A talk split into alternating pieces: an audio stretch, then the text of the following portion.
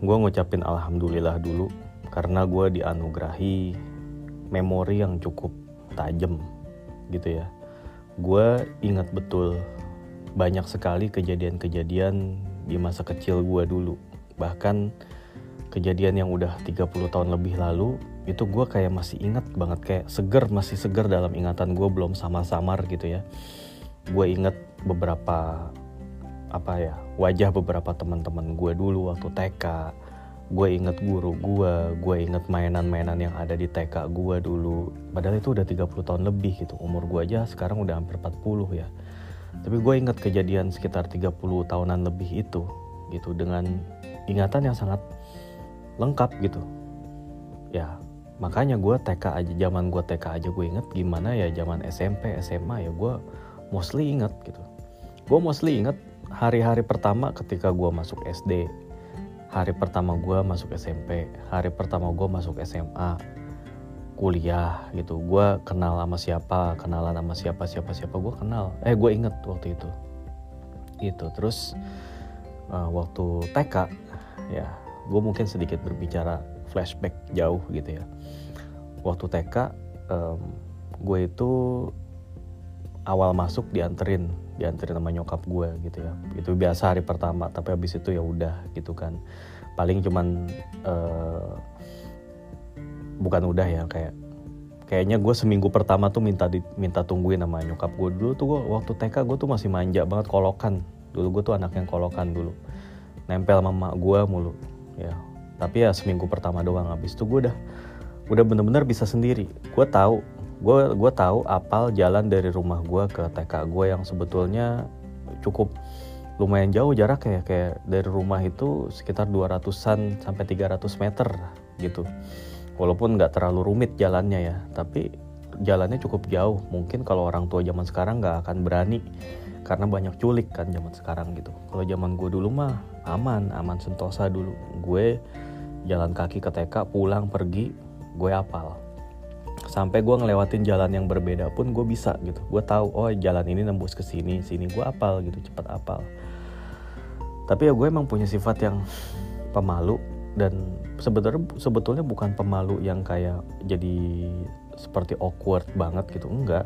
Gue kayak gue gue nggak paling gak suka jadi center of attention gitu. Pusat perhatian di mana semua mata memandang gue itu kayak kayak draining apa kayak dragging down my uh, my knees gitu gue jadi kayak nggak apa ya gue nggak suka banget kayak I, do, I don't belong here gitu ketika semua mata tuh memandang ke gue gitu. Dan ini kejadian pertama terjadi pas lagi ada acara peragaan busana daerah di TK gue dulu. Gue itu kebagian pakai pakaian adat Madura. Bokap gue udah beliin tuh pakaian Madura tuh yang kayak uh, baju yang kayak kayak Freddy Krueger itu baju cari apa jarik ya terus uh, keris keris mainan terus kayak pokoknya gitulah. Kayak Jawara Madura lah gue udah dipakein gitu. Eh giliran pas lagi tampil teman-teman gue kan udah pada tampil. Nah gue belakangan nih giliran gue dipanggil ayo berikutnya terakhir pakaian adat Madura. Mana Madura? Gitu. Nah ada gue ngumpet di apa di deket panggung ada celah gitu ada celah gue bisa masuk ke situ gue ngumpet. Semua orang pada nyariin guru gue nyariin orang tua gue nyariin dan itu itu kejadiannya di depan banyak orang tua murid gitu kan. Ya lu tahu sendiri lah kalau kalau lu sebagai orang tua ya lu kan ada acara anak di TK gitu kan. Uh, ta anak lu tampil nih harusnya jadi momen yang bagus gitu. Momen yang wah bakalan di foto-foto dan di instastoryin lah kalau kalau sama mama zaman sekarang gitu kan. Nah bayangin pada saat itu emak gue mana nggak punya Instagram. Ya emang dulu nggak ada Instagram. Udah nungguin gue paling terakhir gitu kan nungguin anak-anak lain terus giliran pas gue gitu kan nggak ada gue yang ngumpet. Gitu. Emak gue nyariin gue sampai acara kelar baru gue keluar. Terus emak gue kan nyari apa panik gitu kan ya. Pas emak gue panik baru gue keluar. Eh abis itu gue dimarah-marahin ah kamu gimana sih? Bla bla bla bla. Akhirnya udah diajak pulang pokoknya gitu deh gue nggak gue paling nggak suka gue jadi pusat perhatian orang. Makanya gue ngumpet waktu itu. Dan ini ternyata berlanjut uh, ke zaman SD ya. Di SD pun ketika misalnya ada lomba ada apa kayak semacam pentas drama apa lomba baca puisi lah lomba nyanyi dan segala macam gue tuh paling gak mau tampil gitu gue paling gak suka ketika kondisi semua mata tuh memandang gitu. Gue gak suka banget kondisi itu dan bikin gue gak nyaman bikin gue grogi gak jelas gitu ya bikin gue gemeteran gitu ya. Paling gak bisa yang namanya gue tuh disuruh ngomong di depan gitu baca apa di depan malu gue perasaan gue tuh. Gak jelas lah ada apa. Ah, terus hmm, ya pas SD pun ya sebetulnya kalau dari akademis ya gue ya anak yang biasa aja gitu. Nah, biasa aja mungkin orang-orang yang yang nggak kenal banget sama gue gitu ya yang cuma tahu gue sekarang. Mungkin ngiranya gue anak yang dari dulu pinter gitu kali ya secara akademis pinter padahal aduh nggak gue standar lah. Dibi tapi dibilang bego juga enggak gitu kayak gue standar aja kayak yang pas lagi SD ranking gue ya 5 besar gitu. Terus pas SMP ranking gue 10 besar eh pas SMA ranking gue 30 besar apa 40 besar. Pas kuliah IPK gue juga standar gitu. Yang penting memenuhi kuota gitu aja lah gitu. Cuma mungkin abis itu ya gue bisa kayak apa ya kayak yang bisa membuat orang lain itu uh, percaya dengan pencitraan yang udah gue bangun. bisa dibilang begitu. Jadi gue itu hidup tampil memang mostly pencitraan. Uh, gue nggak menunjukin siapa gue sebenarnya gitu. Di apalagi ke orang yang baru kenal, orang yang berhubungan sama gue tuh dalam dalam apa dalam lingkungan yang formal gitu kayak teman-teman kantor gue gue nggak bakalan menunjukkan sisi asli gue kepada teman-teman kantor no way gitu nah terus ya gitu deh waktu SMP ya. Terus beranjak SMP um, gue itu cuman suka dengan permainan sepak bola dan juga video game gitu. Gue nggak punya ketertarikan kayak yang apalagi pacaran gitu ya. Ya mungkin bisa dibilang gue telat kali dewasanya tapi gue heran waktu itu ngeliat teman-teman gue yang pada nembak nembak cewek gitu kan terus mereka tuh kayak berlomba-lomba uh, apa namanya um, ngedapetin cewek gitu. Jadi sampai ada nih gue ada satu story temen gue yang gue sampai seingat sampai sekarang. Terus uh, gini ceritanya. Jadi ada satu teman gue yang dia orangnya gaul lah gitu ya. Gaul dan emang suka cari perhatian cewek gitu. Penampilannya keren rambutnya belah tengah Andre Stinky gitu kan. Terus dia tiba-tiba nyamperin gue nih eh dit gitu. Uh, eh, gue minta saran dong sama lo cia apaan gue maksudnya siapa gue gitu minta saran gitu. Kenapa? gue tanya gitu kan. Eh gue punya duit nih 300 ribu gitu. Menurut lu mendingan gue beliin Sega mainan video game itu Sega apa gue beliin uh, eh, gue beliin sepatu olahraga ya yang keren gitu kata dia gitu. Terus gue bilang gini ya lu nanya gue lu lu udah tahu kan jawabannya? Gue bilang ya pasti kalau gue jadi lu ya gue beli Sega lah. Ngapain gue beli sepatu mahal-mahal? Gue bilang gitu kan. Oh gitu kata dia gitu. Oke oke thank you ya. Nah terus berapa hari kemudian dia nongol tuh sambil cengenges cengenges depan gue nunjukin sepatu baru. Eh dit sorry ya gue nggak nurutin saran lo nih. Gue beli sepatu baru. Gue gue ketawa ketawa aja iya yeah, iya yeah, iya yeah, gitu kan. Soalnya kalau gue beli gue beli Sega kan cewek-cewek pada nggak tahu. Kalau gue beli sepatu keren kan cewek-cewek pada naksir gue ntar. Tai gitu gue langsung yang aduh whatever gitu. Gue gitu aja maksudnya. Dan akhirnya emang bener sih abis itu uh, temen gue itu langsung kayak dapet cewek gitu. Kayak dia nembak cewek yang dia suka terus dapet emang jadian emang bener sih gitu. Tapi ya buat gue ya udahlah good for you lah gitu congrats on you gitu. Dan gue nggak nggak ngerasa ada keinginan gitu kayak apaan sih? Bocah banget juga gitu. Gue ngerasa gitu. Masih kecil begini aja udah pacar pacaran emangnya ngapain? Gitu gue bilang. Gue bingung gitu dan kenapa nggak main aja sama temen gitu? Kenapa nggak kenapa nggak main bola kek main video game kek main ke mana kek?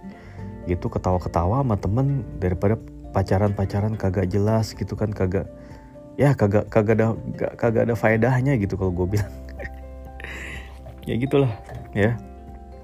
Tapi terus kemudian pas gue beranjak SMA barulah gue mulai tertarik sama cewek. Mulai bukan berarti gue nggak suka cewek sebelumnya bukan. Kayak barulah gue mulai tertarik untuk kayak ngedeketin cewek meng, lebih bisa lebih mau mengekspresikan perasaan gue ke cewek gitu. Kayak yang gue mulai kayak declare ah gue naksir cewek ini nih gitu. Mulai itu pas SMA tapi ya karena mungkin gue gue pada dasarnya juga orangnya cupu gitu ya dan awkward gitu kalau dalam berhubungan sama cewek. Jadi gue tuh nggak pernah kayak bisa mengekspresikannya dengan dengan cara yang cool dengan yang wah yang keren. Kayak orang-orang lah yang pada berani ngobrol pada ngasih-ngasih kado ngasih-ngasih coklat gitu. Gue I had no clue at that time gitu. Gue jadi kayak cuman pas ketemu gue jadi kayak deg-degan aduh gue mau ngomong apaan ya mani orang? Atau gue cuman kayak bisa ngelihat dari kejauhan gitu atau merhatiin dari kejauhan. Eh enggak banget lah pokoknya. Ya kayak gitulah. Ya uh, dan pada akhirnya ya gue banyak kan menghabiskan masa sekolah gue itu ya bener-bener dengan bermain gitu. Eh, nggak ada di dalam uh, dalam story gue itu pacaran gitu nggak ada gitu. Karena ya ya nggak ada juga yang mau gitu mungkin. Ya ada sih maksudnya bukan nggak ada yang bukan nggak ada yang naksir sama sekali ya ada aja gitu. Orang yang mungkin buta gitu ya ngelihat ngelihat gue gitu naksir segala macam. Tapi giliran itu cewek naksir gue gue nya nggak naksir sama dia. Gue nggak suka sama dia gitu. Dan gue bukan tipikal yang ah yaudah gue jadiin sama dia gitu. Walaupun gue nggak suka gue gue bukan tipikal yang begitu juga gue ngapain gue gitu nggak mau gue jadinya gitu. Akhirnya ya ya udah gue gue sukses. Gue sukses menjomblo dari zaman SD SMP SMA gue bener-bener selamat dari godaan bukan godaan setan yang terkutuk ya ya godaan ya pokoknya godaan pacaran deh yang pada akhirnya sekarang-sekarang ini pas gue pikir-pikir lagi ya gue alhamdulillah gitu. Karena emang gak ada faedahnya juga sih kalau apa ya secara overall masa kecil gue biasa aja gitu. Gue nggak ada kegiatan-kegiatan yang gimana atau gue nggak pernah pergi ke suatu tempat yang apa atau li, pergi liburan yang berkesan banget gitu. Um, gue bahkan waktu ada outing apa study tour ke Jogja waktu gue SMP gue nggak ikut karena waktu itu emak gue lagi pergi haji.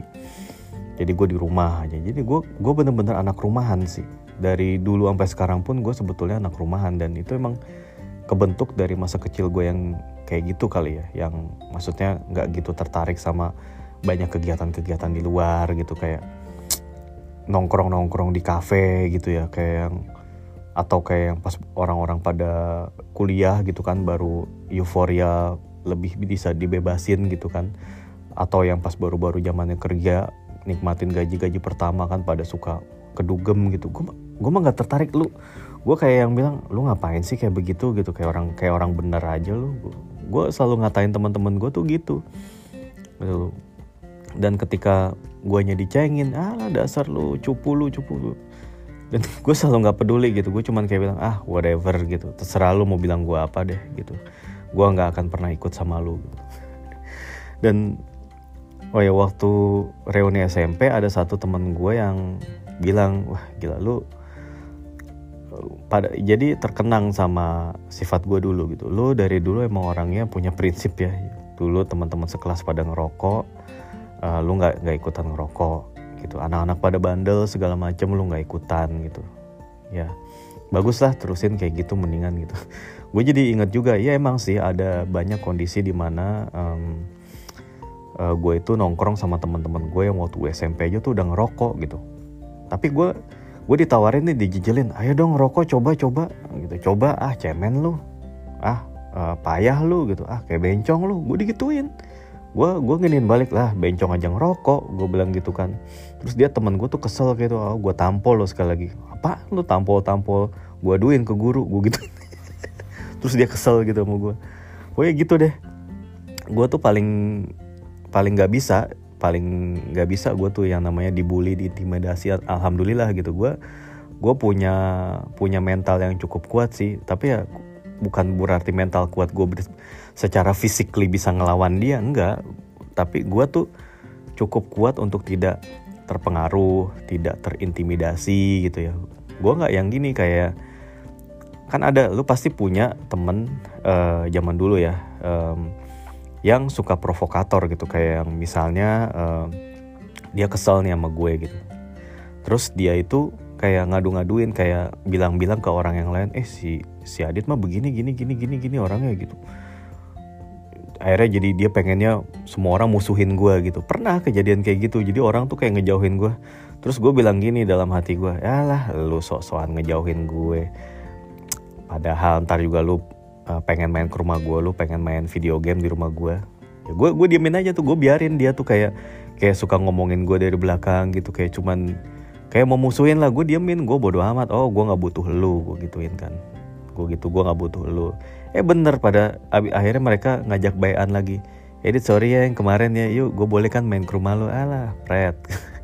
Akhirnya kayak gue juga ini ya alhamdulillah gue tuh waktu itu cukup beruntung gitu. Orang tua gue ya bukan orang yang bukan yang orang yang berada banget tapi paling enggak gue tuh cukup beruntung dulu tuh kayak fasilitas-fasilitas tuh ada gitu kayak mainan lengkap gue punya mainan-mainan video game gue selalu punya yang keluaran terbaru dibeliin gitu sama orang tua gue gitu ya. Dengan harapan mereka sih dengan gue dibeliin mainan kayak video game gitu gue jadi nggak jadi anak rumahan. Jadi ya kalau mau temennya apa teman-teman gue yang main ke rumah gitu. Bukan gue yang main ke rumah teman-teman gue tapi by the way uh, gue itu udah dibolehin nginep sama uh, di rumah temen gue itu pas gue SMA ya. SMP gue belum dibolehin nginep. Jadi makanya gue dibeliin tuh mainan-mainan tuh dari dari SD sampai SMP mainan gue tuh lengkap. Tapi pas SMA jadi orang tua gue tuh ngedidiknya tuh emang kayak bertahap gitu bertahap. Jadi pas SD sampai SMP gue tuh kayak dibeliin mainan-mainan gitu ya supaya gue betah di rumah. Tapi pas udah SMA gue tuh kayak udah agak dibebasin gitu. Jadi kayak nyokap gue bilang kamu kalau mau nginep di rumah teman nginep aja sana gitu. Tapi ini ya uh, kalau besok libur gitu. Dan bener gue waktu itu waktu SMA sempat ngerasain nginep di rumah beberapa temen gue gitu berapa kali gue nginep gitu terus paginya baru pulang gitu. Gitu dan abis itu pas udah kuliah ya gue udah bener-bener dibebasin. Gue boleh nginep gue sampai nginep berapa hari ke rumah temen gue juga dibolehin pas udah kuliah. Terus gue pergi keluar kota juga udah dibolehin. Nyetir sendiri keluar kota udah dibolehin gue. Gue waktu itu waktu keluar kota gue pernah nyetir sendiri ke Bandung gitu sama teman-teman gue yang lain. Udah udah dibolehin gue. Jadi emang orang tua gue itu sebetulnya gue ngerasa orang tua gue itu ngedidik gue terus kebesarin gue tuh dengan cukup baik gitu ya. Maksudnya mereka ngasih fasilitas buat gue mereka ngasih yang terbaik gitu. Mereka ngasih didikan yang terbaik lah gitu segala hal-hal yang berbau pendidikan mereka penuhin bahkan fasilitas yang jadi penunjangnya kayak gue dibeliin motor bahkan dibeliin mobil waktu gue kuliah. Itu gue rasain waktu itu terus gue dibeliin mainan dan bahkan gue punya seperangkat alat musik waktu itu gitu ya waktu gue kuliah eh SMA dan kuliah. Dan akhirnya rumah gue itu sempet jadi base camp buat teman-teman gue yang pada nggak modal. Maksudnya buat teman-teman gue yang pada suka main musik gitu dengan gratis. Ya, ya sama aja itu dong ya. Ya terus uh, memang kemudian ya dari situlah gue itu mulai kenal yang namanya dinamika dinamika pergaulan gitu ya. Kan orang tuh macam-macam sifatnya ternyata gitu ya. Um, ketika ketemu teman yang macam gue gitu yang segalanya punya gitu ya. Ada beberapa orang yang emang dasarnya emang gak punya urat malu. Ada tiba-tiba manfaatin. Tiba-tiba ada gue dateng temen SMA gue yang tiba-tiba eh dit gue nginep ya di rumah lu gue lagi berantem nih sama bokap gue gitu. Bla bla bla. Dan dia nginep sampai berhari-hari gitu di rumah gue gue kasih makan dan segala macam sampai akhirnya gue pusing kan gue bosen. Eh gue sampai akhirnya ngomong gini eh kayaknya lu balik aja deh mendingan pasti bokap lu nyariin lu tuh. Gue bilang aja gitu. Gue nggak enak tar. Gue yang kena lagi gue gituin pokoknya gue ngusir dia secara halus lah. Akhirnya ya untung dia paham gitu. Eh iya dit sorry. Gue ngerepotin lo ya gitu. Ada gitu. Terus ada juga gue punya teman yang katakanlah keluarganya mohon maaf ya broken home gitu. Jadi dia tuh katanya pusing ngedengar orang tuanya tuh ribut mulu. Akhirnya dia sering jadi sering nginep di rumah gue gitu. Terus pas mau sekolah mau subuh gitu ya uh, menjelang subuh uh, dia pulang terus berangkat sekolah. Tapi abis itu abis maghrib dia ke rumah gue nginep gitu. Pernah ada ada masanya kayak gitu. Gue nampung beberapa teman gue yang begitu gitu ya. Uh, tapi dari situ gue juga kenal beberapa orang yang emang emang brengsek aja gitu. Kayak yang tiba-tiba dia nyolong lah gitu kan. Gue gue kan kadang-kadang suka sembrono ya kalau naruh duit ya gue gue ada tuh gue pernah punya kaleng kaleng bekas kue gitu. Gue suka tuh nyari naruh duit koin-koinan recehan bekas-bekas kembalian gue taruh situ. Pertama itu kaleng itu kaleng penuh gitu kaleng penuh penuh dengan duit gitu ya. Eh tiba-tiba uh, berapa hari seminggu gitu kok duitnya berkurang gitu kan. Nah gue kan terus mencurigai dong temen gue yang suka datang. Gue gue giniin eh siapa di antara lu yang suka ngambilin duit gue gitu. Terus pada kayak ketakutan enggak kagak kagak bukan gue bukan gue. Terus gue oh berarti di sini tuh ada tuyul ya di rumah ini ya gue bilang. Terus dia kayak ketakutan gitu terus gue giniin. Pokoknya ini gue duit gue masih taruh di sini. Kalau duit itu berkurang lagi gue nggak akan ngizinin siapa pun main ke sini gue gituin. Eh bener abis itu eh, nggak uh, hilang lagi duitnya. Tapi ya gitu gue gue juga ternyata sadar kalau gue itu punya apa ya gue tuh di satu sisi ya walaupun gue orangnya cuek dan suka malu-malu dan nggak suka jadi pusat perhatian pada saat dibutuhin gue tuh juga bisa punya ketegasan juga gitu. Gue bisa bersikap tegas sama orang-orang kurang ajar gitu. Sama orang-orang yang zolim gue bisa bersikap tegas gitu ya. Uh, dan itu berhasil gitu. Dan itu akhirnya ya itu kan melindungi diri gue juga gitu. Dan akhirnya bisa uh, nah itulah. Kemudian muncul juga tetap sih tetap ada fase di mana gue kecolongan gitu. Ketika gue percaya sama sebagian apa ya beberapa orang gitu yang udah gue anggap temen keluar temen deket sampai gue anggap kayak saudara sendiri gitu. Ya tiba-tiba nikam gue dari belakang. Ketika gue lagi bikin sebuah bisnis gue kan waktu kuliah kayak pengen uh, inilah kayak gaya-gayaan nyoba bisnis gue buka rental dulu gue buka rental sewa apa rental game dulu ya ada 10 komputer di situ gitu. Gue belajar lah bagaimana cara menjalankan bisnis gitu ya waktu itu. Didampingin sama bokap gue sih. Sampai gue nyewa ruko, sampai gue beli komputer gitu ya. Datanglah satu orang ini yang ngeplay pengen gue mau kerja dong di tempat lu dit gitu kan gitu kan. Padahal gue, aduh udah nggak ada lagi lowongan gue udah nggak ada slot lagi udah penuh. Gue bilang eh tolong deh gue gue butuh duit nih bla bla bla gitu kan. Uh, ini deh gue gue nggak usah digaji deh tapi gue cuma mau minta makan doang kayak uh, gue nih gue gue numpang makan jadi pas lu pada makan gue ikut tapi lu nggak usah bayar gue gitu. Lu jaga gue jaga tapi gue jagain di sini gitu. Oh ya udah gue bilang gitu. Ya udah asal jangan macem-macem aja lu gue gituin kan habis itu dia nyolong. Intinya ada beberapa properti di uh, di rental hilang gitu kan. Ternyata dia pelakunya lah. Singkat cerita dia pelakunya dan akhirnya udah gue tegesin pada saat itu lu jangan balik lagi ke jangan sekali-kali lu nginjek kaki lu ke rental ini gue bilang gitu atau ke rumah gue gue gitu. Udah udah gitu ya.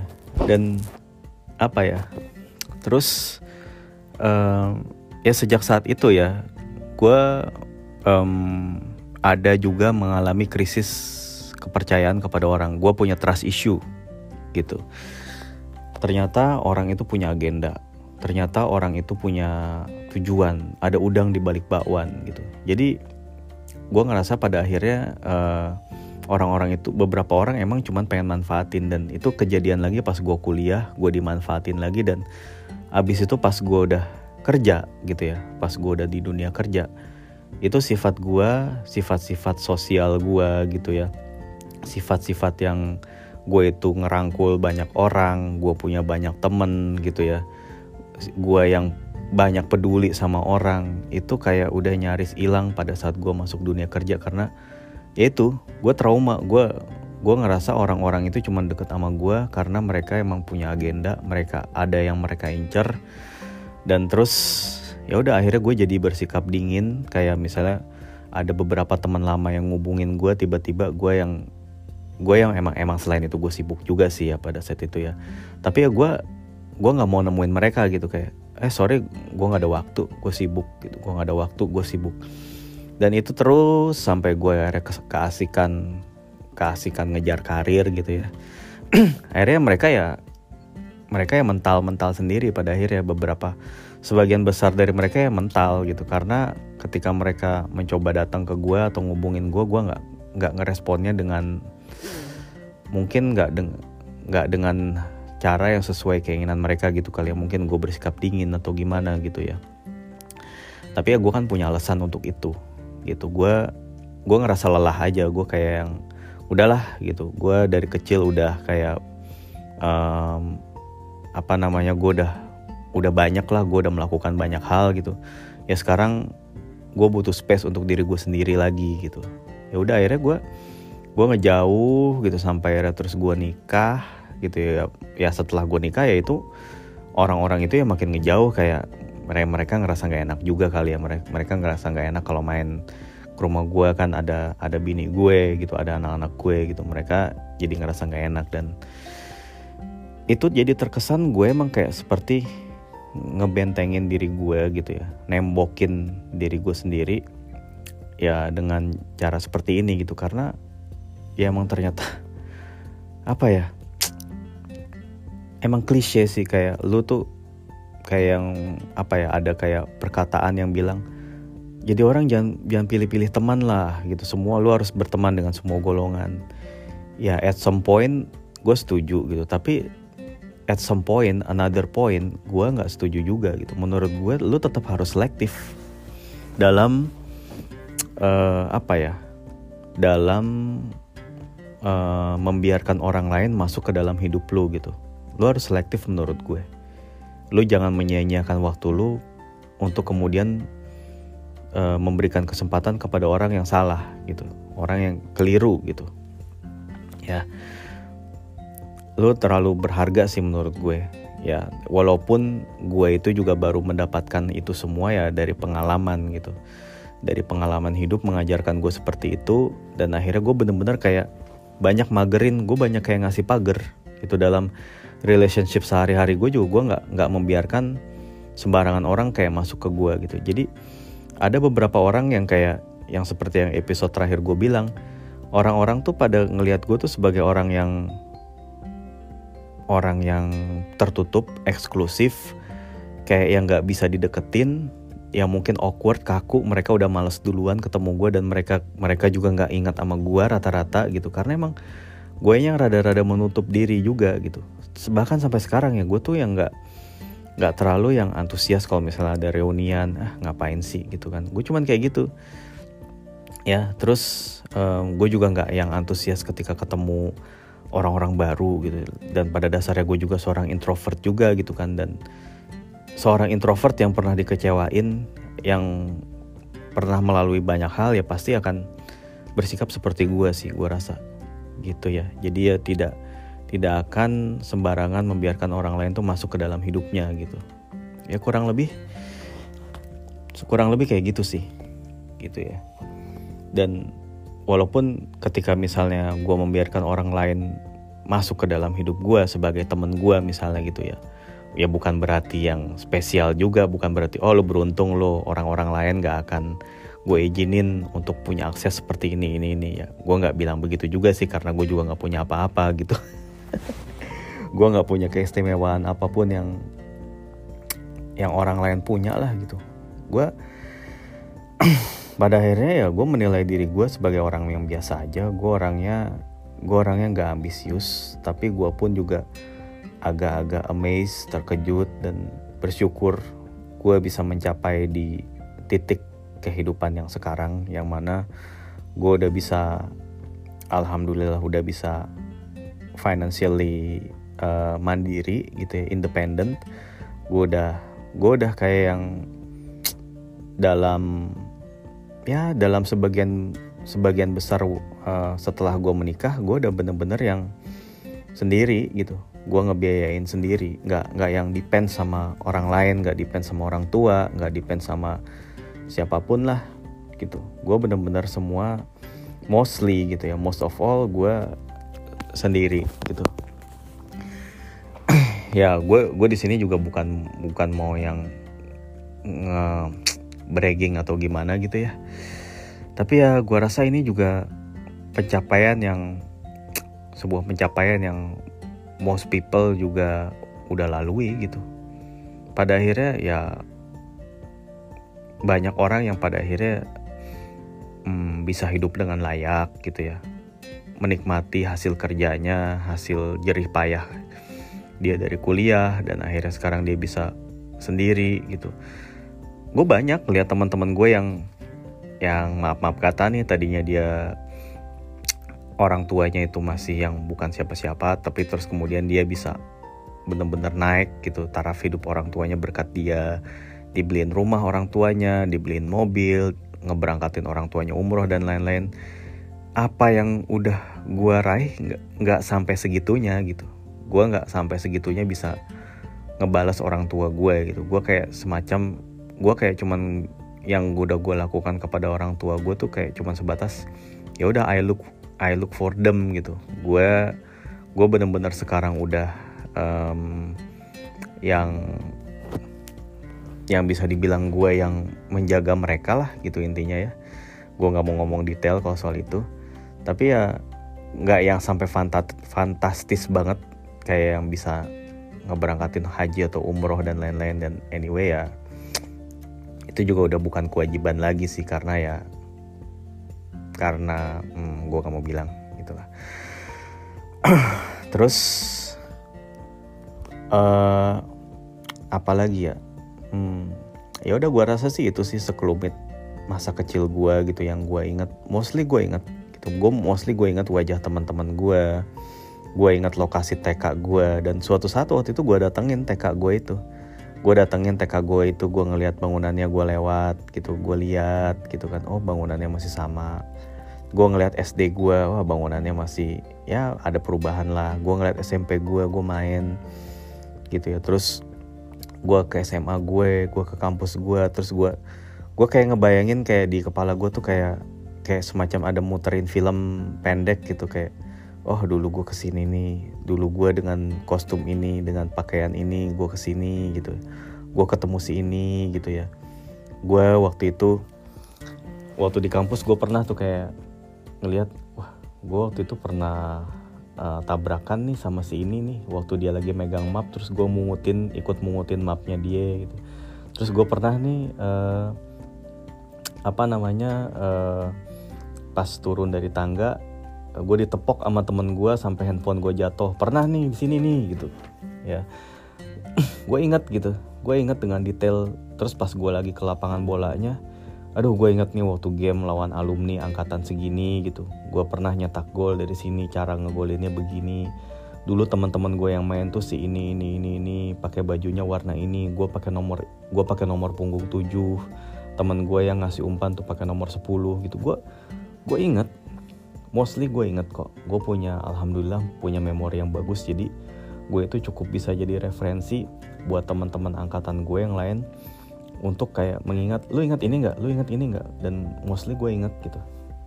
Kalau pas pada saat kejadian gue itu gue ada di tempat ya gue inget gitu. Gue inget gue ada di sana gitu. Jadi ya apa ya? Ya ya gitulah. Ya sebetulnya gue secara akademis nggak yang nggak yang bagus-bagus amat tapi ya ya gue juga nggak bego-bego banget gitu. Gue menilai diri gue sebagai seorang mungkin ya gue sebagai seorang mediocre yang beruntung gitu ya. Ya kalau nggak mediocre ya apa gitu sebutannya. Kalau gue superstar ya mungkin gue udah bisa menduduki posisi yang tertinggi di kantor gue gitu. atau gue gue punya apa gue punya apa. Ini kan gue kalau secara posisi jabatan dan kebendaan gue tuh standar banget aja. Standar standar orang kelas menengah yang mengais rezeki di Jakarta pada umumnya lah gitu. Nggak kurang nggak lebih. Gitu aja lah. Gitu tapi intinya ya ya gue bersyukur gue uh, selamat dari segala bahaya pergaulan. Gue nggak pernah yang namanya pakai narkoba. Gue gue nggak pernah yang minum apa dengan sadar gue gue mencoba minum minuman keras gue nggak pernah. Gue nggak pernah yang apa ya um, ya gue nggak pernah sampai yang main cewek gitu yang kayak uh, yang bandel-bandel cewek kayak gitu gue nggak pernah gitu. Lagian nggak ada juga yang mau. Terus uh, gue juga nggak pernah terlibat tindakan kejahatan yang yang gimana ya yang kayak ya kalau gue paling kejahatan yang gue lakukan yang melanggar peraturan peraturan lalu lintas aja udah gitu standar kayak gitu tapi di luar itu ya nggak pernah gitu. Gue kayak gue orangnya cukup idealis juga sih. Jadi pernah kayak di lingkungan gue gue jadi panitia Agustusan gitu ya. Gue tuh ketika gue jadi ketua panitia gue tuh bener-bener budget gue tuh stick banget dan uh, eh, gue bekerja bener-bener sesuai dengan budget yang disepakatin. Mungkin gue bersikap kaku bahkan teman-teman gue ketika misalnya minta jajan gitu gue nggak kasih. Malah gue keluarinnya dari kantong gue ini lu kalau mau beli apa pakai dari duit gue buat kepentingan pribadi kalau emang buat beli apa buat kepentingan pribadi misalnya lu pengen pengen jajan bakso pengen apa gitu. Beli gitu dari ini dari duit gue. Tapi kalau duit ini yang dikumpulin dari warga jangan dipakai gitu. Dan terus ketika apa uh, ada laporan pertanggungjawaban kan ya duit yang kepake berapa duit yang masuk berapa gitu kan itu teman-teman gue yang lain sesama panitia tuh pada kayak ngusulin udah biayanya digelembungin aja biar apa namanya eh, nggak uh, sesuai sama nggak usah disamain sama yang di lapangan gitu. Jadi abis itu duitnya bisa kita pakai jalan-jalan gitu. Teman-teman gue tuh pada gitu kayak mereka ngerasa kayak kerja keras mereka jadi panitia tuh harus kayak dibayar dengan mereka bisa jalan-jalan gitu. Ya buat gue kan itu itu nggak masuk logika gue gue gue dengan idealisnya waktu itu bilang nggak nggak gitu. Gue nggak mau uh, malsuin laporan keuangan. Gue bilang gue maunya laporin apa adanya keluarga gitu. Ya nanti soal uangnya itu mau bagaimana yaitu biar kesepakatan. Apakah dibolehin kita jalan-jalan? Ya enggak. Ya terserah ya udah bener tadi kan gue kan ngebacain ya laporan kegiatan laporan keuangan ada sisa ada saldo segini gitu. Terus gue gue balikin ke warga mungkin buat bapak-bapak ibu-ibu dari sisa anggaran ini mau dibuat apa kita serahin balik ke warga. Akhirnya warga ada yang bilang ya udah dibikin acara kayak malam kesenian aja terus kalau masih ada sisa lagi uh, dikumpulin buat tahun depan atau kalau masih ada kurang ya udah bisa minta minta donasi lagi dari warga buat bikin malam kesenian. Akhirnya gitu yang gue lakuin. Dan apa teman-teman gue yang lain tuh kayak pada bete gitu sama gue karena mereka dari zaman dulu tuh mereka biasanya kalau ada kegiatan Agustusan gitu mereka tuh kayak panen duit gitu kayak yang habis ada acara mereka tuh kayak jalan-jalan ke ke puncak ke Bogor gitu. Ya buat gue kan itu bukan sesuatu yang bisa gue terima gitu secara akal sehat gue dan kalaupun misalnya gue terpaksa ngejalanin itu gue pasti akan tersiksa banget gitu. Itu itu against banget dari my my conscious gitu. Gue gue bener-bener nggak nggak bisa terima. Gue mungkin orangnya ya terlalu idealis terlalu kaku. Ya emang kata teman SMP gue kan gue orangnya dulu punya prinsip gitu. Dan bahkan ini juga berlaku buat selera yang lain ya. Kayak misalnya selera musik gitu. Misalnya ada apa ya gue kan dari dulu sukanya musik rock metal gitu. Ketika ada teman-teman gue yang bilang wah musik apaan? Kayak gitu begajulan gak jelas nada nada apa cuman isinya orang teriak-teriak doang. Gue gue nggak peduli gitu. Gue nggak ikut gue nggak lantas ah enggak enggak. Kayak yang oke deh gue dengerin ikutin yang lu dengerin. Gue nggak akan gitu. Dan gue juga nggak peduli mereka ngejelek-jelekin idola gue juga. Ah suka-suka lu deh gitu ya. Gue tetap dengerin apa yang gue suka gitu. Gue bukan dengerin hanya karena untuk supaya selera gue nyamain orang gitu. Enggak gue tetap pada selera gue sendiri cara berpakaian gue sendiri itu gue nggak nggak peduli dengan penilaian orang gitu. Dan ketika misalnya ada rekomendasi eh film ini tuh bagus loh ya. Kayak dari kemarin-kemarin film or bahkan itu kebawa sampai sekarang sih. Eh Doctor Strange itu bagus loh. Gue nggak ikut ikutan arus pengen nonton atau kayak ini ada tempat healing baru nih. Bagus bagus semua orang lu mesti datang. Gue gue tuh mostly nggak menjalani hidup sesuai sama rekomendasi orang. Tapi gue lebih suka cari sendiri. Gue lebih suka explore sendiri. Dan gue pergi ke tempat-tempat yang atau gue menjalani kehidupan intinya yang orang lain itu mungkin nggak nggak kepikiran gitu gue bukannya sok-sokan mungkin itu mungkin orang bisa menyebutnya ah dasar so hipster lu ah so so eksklusif lu gitu. Ya bodoh amat gitu. It's my life man. Lu nggak ngebay nggak ngegaji gue nggak ngebayar gue. Jadi lu nggak nggak berhak ngatur gue gitu. Gue prinsip gue begitu gitu. Jadi ya emang sisi idealis gue sisi keras kepala gue sisi cueknya gue ya. Ya mungkin ada orang yang ngelihat ini sebagai arogan ya. Bodoh amat. Gue di gue bukannya kalau mungkin orang arogan kan gue merendahkan orang lain gitu ya. Gue ini sih gue nggak gue nggak merendahkan orang lain gitu. Bahkan ketika gue dalam hal bicara sepak bola gue gue punya klub favorit klub favorit gue dijelekin diejek dihina-hina gue bodoh amat. Dan uh, misalnya gue harus menghina klubnya dia itu tidak membuat gue merasa lebih baik gitu. Gitu loh mungkin orang juga akan ngerasa aneh ih kok ngefans kayak begitu sih? Kok ngefans bisa berteman sih sama sama fans klub pesaing gitu klub rival gitu? Lah kenapa enggak? Gitu. Ya artinya gue mungkin punya pandangan yang orang-orang lain itu kayak nggak ngerasa itu nggak common gitu. Jadi ya namanya juga sesuatu yang nggak common akan dinilai aneh gitu. Karena orang itu melihat aneh sesuatu yang emang beda gitu. Misal semua orang pakai baju merah dia pakai baju hitam. Ya itu yang bagi pakai baju hitam itu emang society akan menganggapnya aneh gitu. But then again I didn't I don't give a shit man. Pokoknya gitu aja.